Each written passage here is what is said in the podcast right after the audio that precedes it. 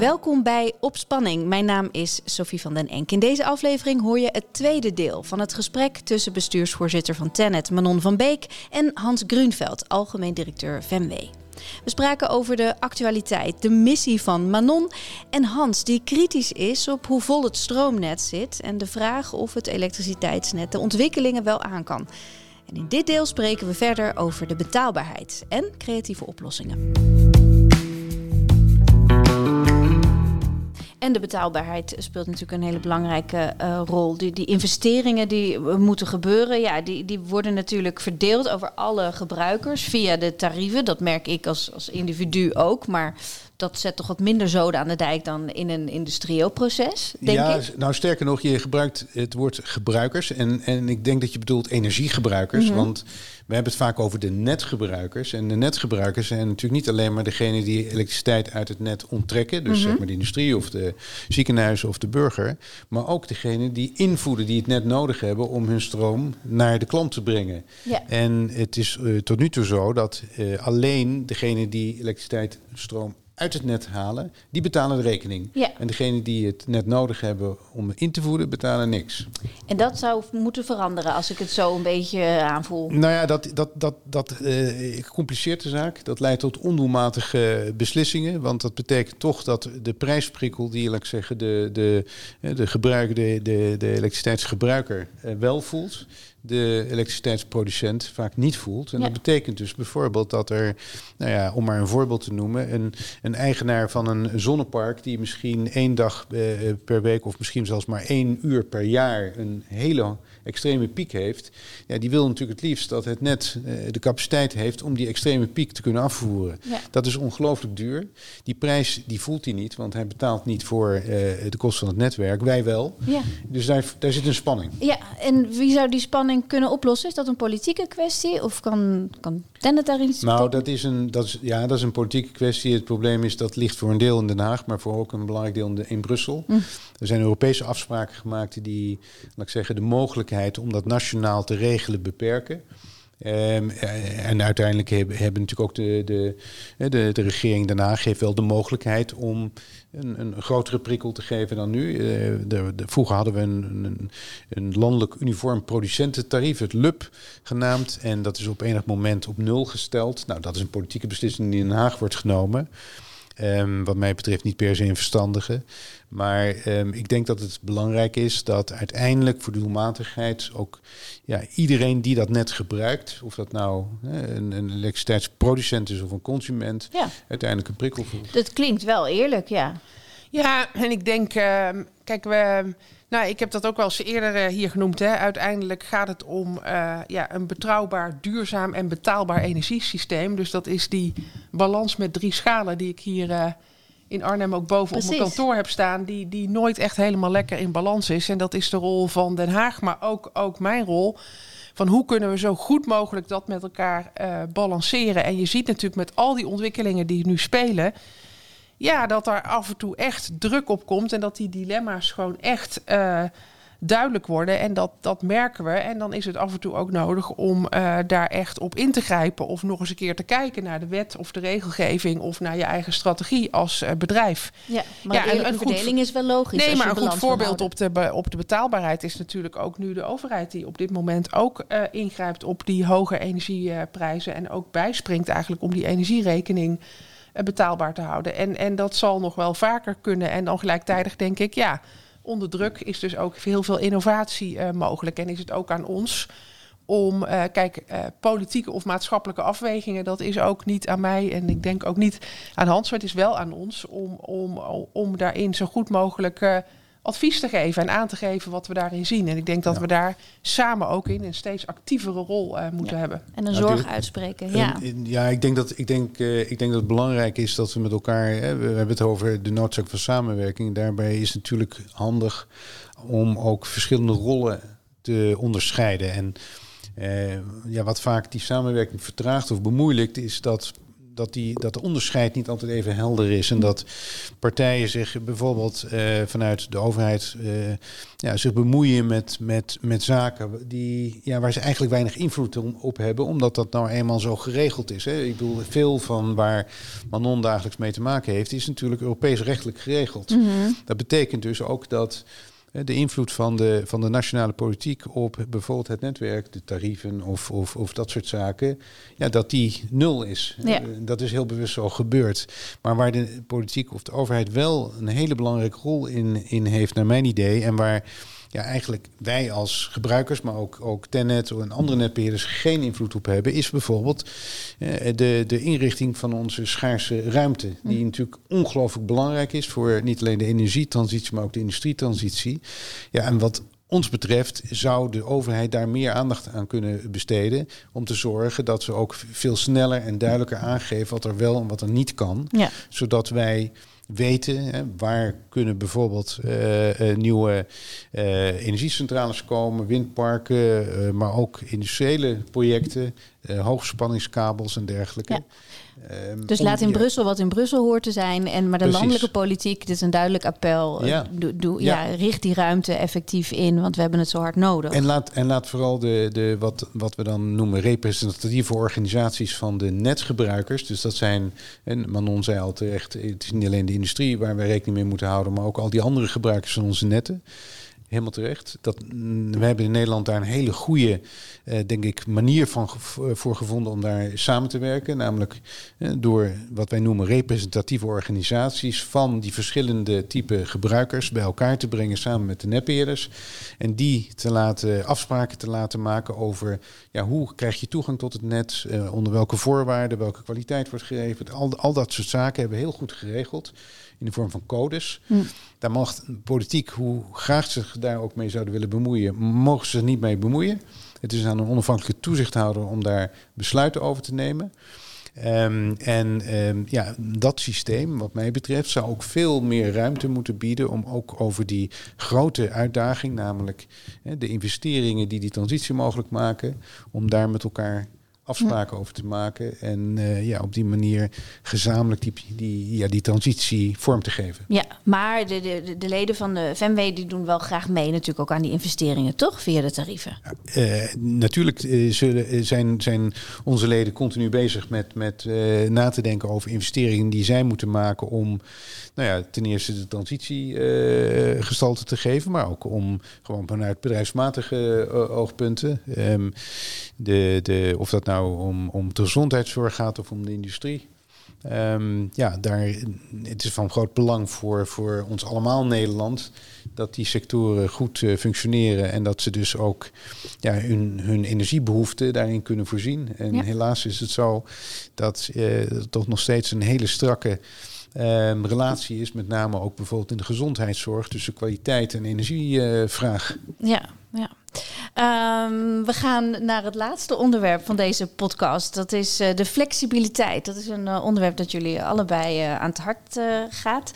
eindeloos aanpassen, uitbreiden van het energienet is natuurlijk niet wenselijk, ook niet betaalbaar. Dus je moet slimme keuzes maken om dat bestaande energiesysteem eigenlijk intensiever te gebruiken, hè, voor zover ja. mogelijk. Kun jij dat kort toelichten nog, Manon? Ja, we hebben het er eigenlijk uh, een beetje al de hele tijd over gehad. Hè. Je bent bezig met een, een, een, gigantische verbouwing van je hele systeem. Dus het gaat over de industrie, daar heeft Hans natuurlijk al heel veel over verteld. Maar het gaat ook over laadpalen, het gaat over warmtepompen, het gaat over zonneparken, het gaat over windparken. En um, ja, dat netwerk is daar oorspronkelijk niet voor uh, ontworpen. En uh, nou zijn we natuurlijk wel degelijk enorm aan het uitbreiden. Ik noemde al de 20 miljard investeringen alleen al in Nederland voor de komende 10 jaar. Maar daarnaast is het natuurlijk ongelooflijk belangrijk dat we ook het netwerk wat er al is, uh, dat we dat op een flexibelere manier inzetten. En uh, Hans, jij noemde het eigenlijk al. Het, het, net wordt eigenlijk zo ontworpen en je houdt eigenlijk altijd rekening met de pieken. Eh, de pieken van gebruik. Dus als we, jij noemde een voorbeeld als een zonnepark maximaal produceert of als een bedrijf uh, ja, maximaal elektriciteit verbruikt. Maar op heel veel momenten uh, is er eigenlijk volop plek op het, uh, op het net. Dus en dan is de vraag hoe kunnen we dat met elkaar beter verdelen zodat er meer ruimte is Nou, wij waren vanochtend allebei wat later, want het was druk op de weg. Dus dat is altijd eh, toch een mooie uh, vergelijking. Weet je, hoe, hoe, hoe kun je uh, door het verkeer eigenlijk over de dag beter te spreiden, meer ruimte uh, creëren? Ja, jullie wilden toch ook in de spits hier naartoe. Dus dan sta je even vast natuurlijk. Ja, maar uiteindelijk gaat het wel e even over de, ja, de, de, de filebestrijding op het net. Zo kan, je, toch wel, mm. zo kan je het wel zeggen. Dus hoe kunnen we zorgen dat gebruikers, en daar gaat Hans zeker iets over vertellen zo, hoe, hoe kun je zorgen dat we op drukke momenten uh, ja, die, uh, die, uh, ja, de, de, de spits mijden. En dat noemen wij dan in ons vakjargon, heet dat dan congestiemanagement. Maar daar komt het wel op neer. En, en in Noord-Brabant en Limburg, waar we natuurlijk eerder dit jaar ook een melding van congestie hebben, hebben moeten doen, daar gaan we dus nu ook dit systeem toepassen. En als je dan dus de spits mijt, dan kun je daar dus ook nog een vergoeding uh, voor krijgen. Hmm. Waardoor ook weer die goede prikkels er, uh, er zijn. Ja, wil de industrie meedoen aan dat congestiemanagement? Is dat haalbaar? Ja, nee, ik denk dat, uh, dat we. Het goede nieuws is natuurlijk dat we veel meer instrumenten, veel meer mogelijkheden hebben om inderdaad flexibeler om te gaan met de capaciteit die, die we hebben. Um, dat, is, uh, dat is natuurlijk noodzakelijk, omdat ja, er verandert van alles en nog wat. Op de eerste plaats natuurlijk de invoeding. We worden steeds meer afhankelijk van het weer um, uh, voor wat betreft de productie van, uh, van stroom. Um, en ja, aan, de, aan de afnamekant zie je natuurlijk ook allerlei Um, allerlei ontwikkelingen die mogelijke pieken kunnen, kunnen veroorzaken die onwenselijk zijn, omdat die tot ja, exorbitante investeringen zouden moeten leiden. Ja. Dat willen we voorkomen. Um, dus wat je gaat doen is, je gaat je verbruik ga je wat spreiden. Nou, om het concrete voorbeeld van de, van de, de fileproblematiek op de weg eh, te noemen. Ja, wat je, wat je doet als je een afspraak hebt bij Tenet in de, in, eh, zeg maar, en je verwacht dat je in de spits uh, terechtkomt, dan neem je, ga je iets eerder weg en dan neem je, spreid je dus de tijd die je nodig hebt. Nou, dat is wel. Uh, dat zal ook noodzakelijk zijn voor, voor bedrijven. Mm -hmm. Maar op de, dat begint er natuurlijk al mee dat ook de elektriciteitsprijs. Ja, die, die gaat veel meer fluctueren. We hebben natuurlijk vroeger hebben we in Nederland een vrij vlakke prijsverloop gehad. Dus zo'n beetje elk moment uh, over de dag heen was die prijs min of meer hetzelfde. S'nachts misschien wat minder, omdat de vraag wat minder was. Ja. En er bepaalde centrales uh, liever doordraaiden dan, uh, dan stil werden gezet. Denk aan kerncentrales of grote kolencentrales. Ja, dat verandert natuurlijk nu enorm. Op momenten dat de zon schijnt, de wind waait, zoals op dit moment dat we de, deze opname maken, zal de prijs dalen. En zal het dus voor uh, afnemers die vooral prijsgevoelig zijn, interessant zijn om op dat moment wat meer af te nemen dan op momenten dat er geen, uh, geen zon en wind uh, is. En is die flexibiliteit, is dat haalbaar voor de industrie? Want je hebt natuurlijk gigantische nou, dat, processen. Die... Dat betekent inderdaad grote veranderingen en aanpassingen in installaties. En niet iedereen kan dat even snel en even gemakkelijk doen. Mm -hmm. als, je, als je kijkt naar, naar hele complexe industriële installaties, um, die juist zijn gebouwd om maximaal ja, baseload, dus zeg maar met een vlak profiel per, uh, te draaien. Omdat ja, het zijn dure, kapitaalsintensieve investeringen. Die wil je zoveel mogelijk laten draaien. Ja. Nou, als je die nu opeens flexibel wil laten draaien, dat is natuurlijk beperkt of, of niet mogelijk. Ja. Um, voor nieuwe investeringen kun je natuurlijk rekening houden en, en, en zul je ook rekening moeten houden, omdat het nou eenmaal ook in je, in je, uh, in je businessplan gewoon beter past. Je ja. kunt uiteindelijk uh, een, een, een, een, een complexe installatie niet meer uh, ja, echt goed laten draaien als je dus geen rekenschap geeft van die grote prijsfluctuaties over de dag. Ja, precies. Dat is de markt. Ja. Daarnaast hebben we natuurlijk het net en de beschikbaarheid van capaciteit. En ja, wat het zo ingewikkeld maakt, is dat er dus heel veel gevraagd wordt, juist ook aan de industrie, uh, voor wat betreft het leveren van flexibiliteit. Dus niet alleen maar eh, om uh, stroom te verbruiken als die ook geproduceerd wordt met wind en zon, maar ook door de netbeheerders als er bij wijze van spreken capaciteit in het net is. Ja, en die afweging moeten bedrijven maken.